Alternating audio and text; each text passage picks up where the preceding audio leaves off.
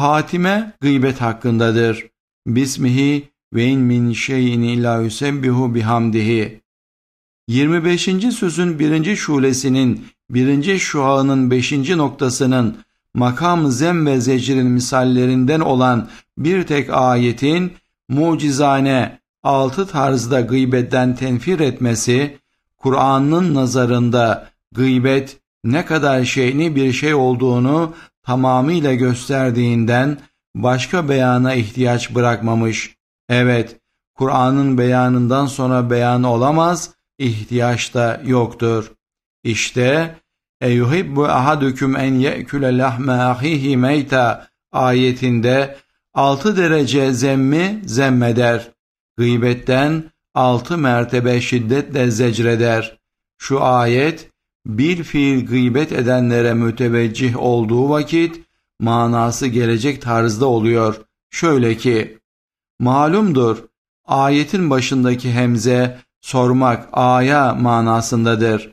O sormak manası su gibi ayetin bütün kelimelerine girer. Her kelimede bir hükmü zımni var. İşte birincisi hemze ile der. Aya, sual ve cevap mahalli olan aklınız yok mu ki bu derece çirkin bir şey anlamıyor? İkincisi, yuhibbu lafzıyla der. Aya, sevmek ve nefret etmek mahalli olan kalbiniz bozulmuş mu ki en menfur bir işi sever?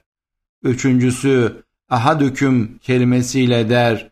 Cemaatten hayatını alan hayat içtimaiye ve medeniyetiniz ne olmuş ki böyle hayatınızı zehirleyen bir ameli kabul eder? Dördüncüsü, en ye'küle lahme kelamıyla der. İnsaniyetiniz ne olmuş ki böyle canavarcasına arkadaşınızı diş ile parçalamayı yapıyorsunuz? Beşincisi, ehihi kelimesiyle der. Hiç rikkati cinsiyeniz, hiç sıla rahminiz yok mu ki böyle çok cihetlerle kardeşiniz olan bir mazlumun şahsı manevisini insafsızca dişliyorsunuz ve hiç aklınız yok mu ki kendi azanızı kendi dişinizle divane gibi ısırıyorsunuz. Altıncısı meyta kelamıyla der. Vicdanınız nerede? Fıtratınız bozulmuş mu ki en muhterem bir halde bir kardeşinize karşı etini yemek gibi en müstekreh bir işi yapıyorsunuz. Demek şu ayetin ifadesiyle ve kelimelerin ayrı ayrı delaletiyle zem ve gıybet aklen ve kalben ve insaniyeten ve vicdanen ve fıtraten ve milliyeten mezmumdur. İşte bak nasıl şu ayet icaz kerane altı mertebe zemmi zemmetmekle icaz kerane altı derece o cürümden zecreder. Gıybet, ehli adavet ve haset ve inadın en çok istimal ettikleri alçak bir silahtır. İzzeti nefis sahibi bu pis silaha tenezzül edip istimal etmez.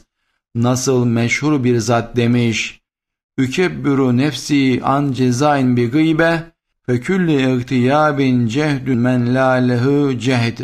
Yani düşmanıma gıybetle ceza vermekten nefsimi yüksek tutuyorum ve tenezzül etmiyorum. Çünkü gıybet zayıf ve zelil ve aşağıların silahıdır.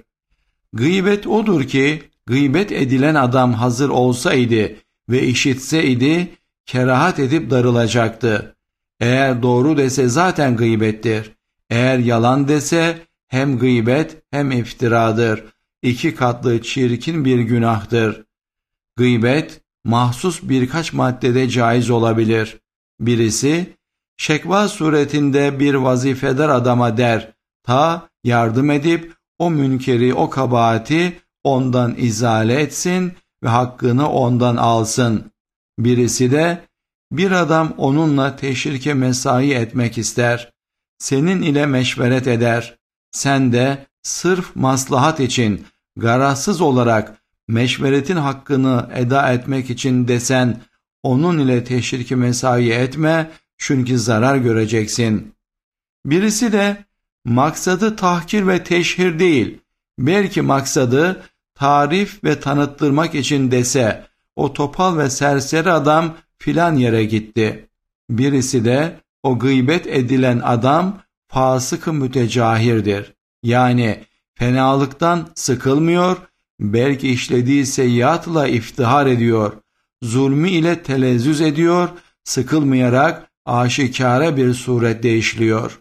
İşte bu mahsus maddelerde garazsız ve sırf hak ve maslahat için gıybet caiz olabilir. Yoksa gıybet nasıl ateş odunu yer bitirir, gıybet dahi amali salihayı yer bitirir. Eğer gıybet etti veyahut isteyerek dinledi, o vakit Allahümme afir lena ve limeni yetebnahu demeli, sonra gıybet edilen adama ne vakit rast gelse beni helal et demeli. El-Baki vel-Baki Said Nursi